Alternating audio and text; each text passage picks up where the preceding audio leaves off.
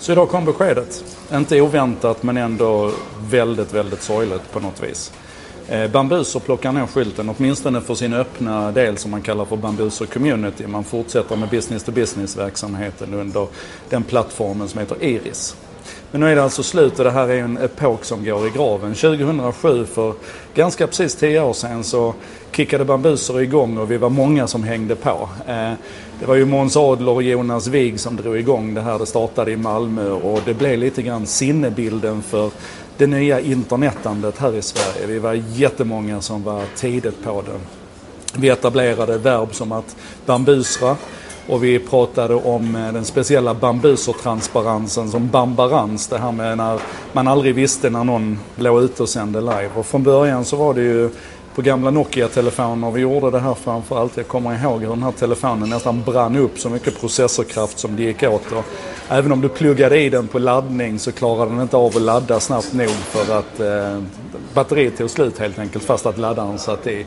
Um, och vi livesände allt. Um, jag har själv väldigt goda minnen av hur vi sprang runt på den ena konferensen efter den andra och imponerades över hur vi helt plötsligt kunde expandera rummet, hur vi kunde spränga tid och rum och, och så.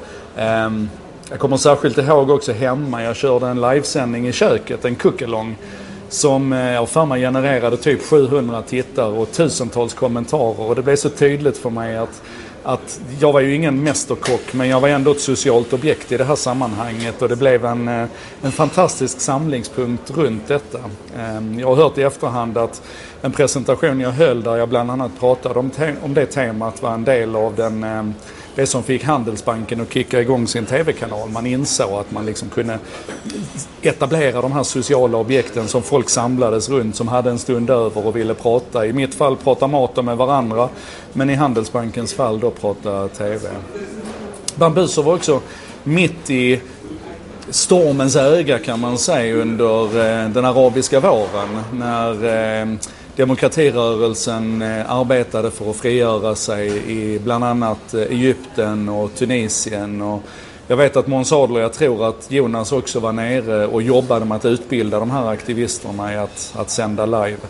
Eh, man kan nog lugnt påstå att Bambuser faktiskt var mitt i det här. Jag kommer ihåg när AP, tror jag det var, plockade en Bambuser-sändning ifrån eh, Tahirtorget och, och skickade rakt ut i sin lina. Man nådde hundratals miljoner tv-tittare på det viset och den där lilla bambuserloggan låg där uppe. Vi pratade mycket om kraften i live för att den som satt och tittade på det här kunde verifiera att det var äkta genom att be dem att rikta kameran åt höger så jag kan se vad det står på den vägskylten där och det blev liksom uppenbart att, att det var äkta, att det var på plats, att det inte var manipulerat.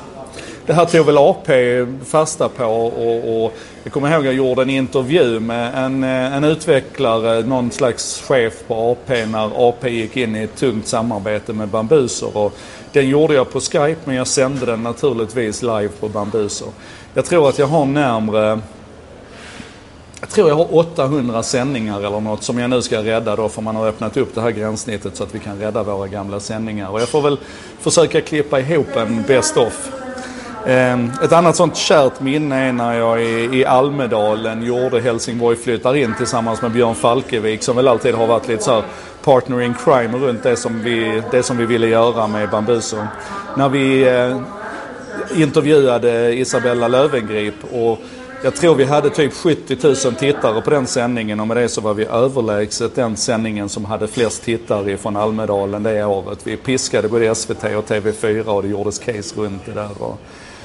Alltså överhuvudtaget, jag har oerhört varma känslor för, för bambuser och för den rollen som de spelade under en tidig och väldigt viktig epok under, under internetutvecklingen. Um, och jag vill bara säga tack för de tio åren som har varit. Jag, uh, ju, jag förstår det såklart. Jag menar att konkurrera med Facebook Live och YouTube Live och Vimeo och Periscope och allt vad de heter. Det är ju en övermäktig uppgift från konsumentprodukt. Eh, så det finns ju en tid och en plats för allt. Och ehm, nu är det väl bara att säga lycka till bambuser och hoppas att, eh, att Iris ska bli den framgången som jag tycker att ni förtjänar. För att tekniskt är ni fantastiska och i er generositet och i det ni har bjudit communityt på så är det bara en massa kärlek. Så att eh, bra jobbat. 10 år orkar ni. Eh, och, äh, jag, jag Måns, Jonas, älskar er lite grann faktiskt. Tack!